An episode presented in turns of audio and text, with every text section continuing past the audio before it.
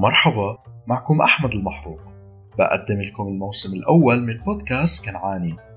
بهالموسم رح نحكي قصص عن فلسطين وعن قراها المهجرة ونحاول نشوف كيف كانت الحياة فيها قبل الاحتلال وقبل التهجير. فكرة هذا الموسم إجت لحتى تأكد على عروبة هاي الأرض وسكانها وأنه عمرها ما كانت فاضية أو بلا شعب.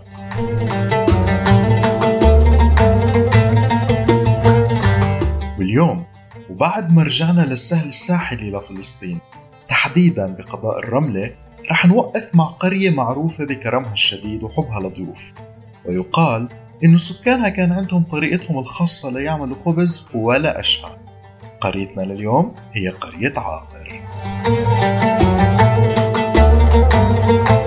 قرية عاقر انبنت فوق مدينة عقرون الرومانية واللي هي بالأساس كانت قائمة على أطلال بلدة كنعانية كانت بالزمانات محطة للتجارة بين الكنعانيين والمصريين القدماء.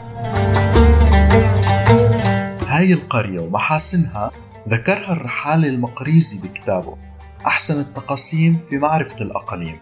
وحكى إنه عاقل قرية كبيرة فيها جامع كبير وأهلها كرماء وبيرغبوا بعمل الخير. أما بمعجم البلدان ليقوت الحموي نسب إليها أبو جعفر محمد بن أحمد العقري الرملي أحد رواة الحديث بالقرن الرابع الهجري. إضافة لكل هذا فإنه عالم الكتاب المقدس الأمريكي إدوارد روبنسون زارها عام 1838 ووصفها بأنها قرية كبيرة.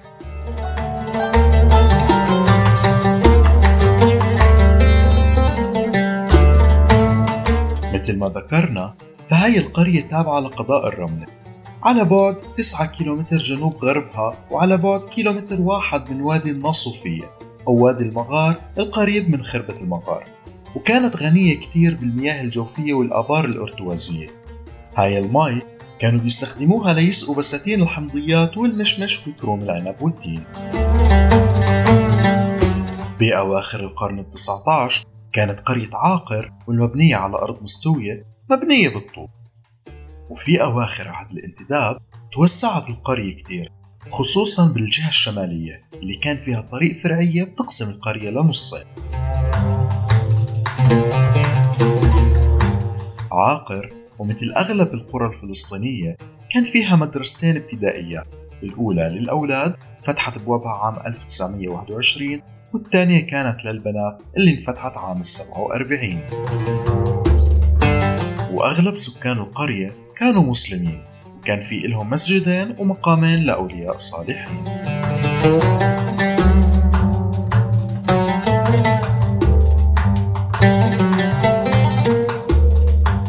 قرية عاقر كانت من أولى الضحايا من القرى الفلسطينية.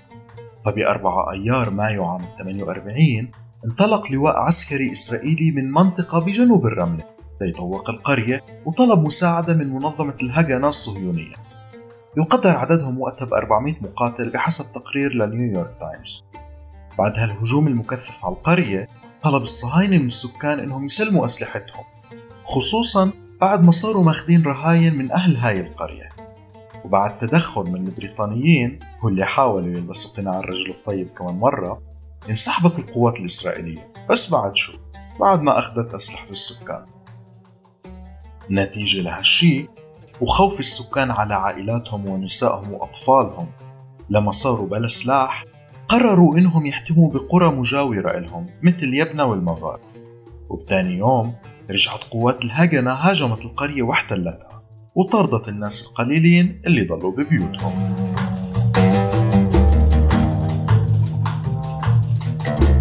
بالنسبة لواقعنا اليوم فالقرية لسه فيها شوية من بيوتها القديمة واللي بيعيش فيها أسر يهودية نهبوها مثل ما نهبوا الأرض.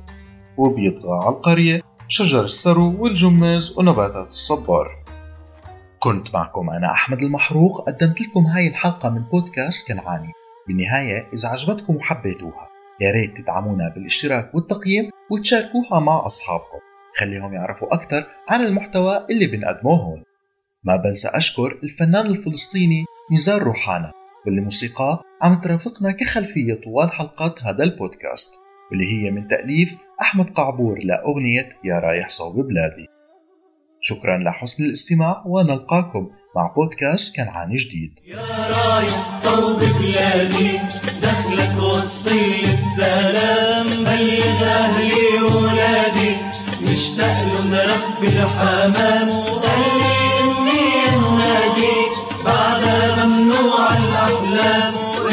أيام ببالي والله بتعز الأيام.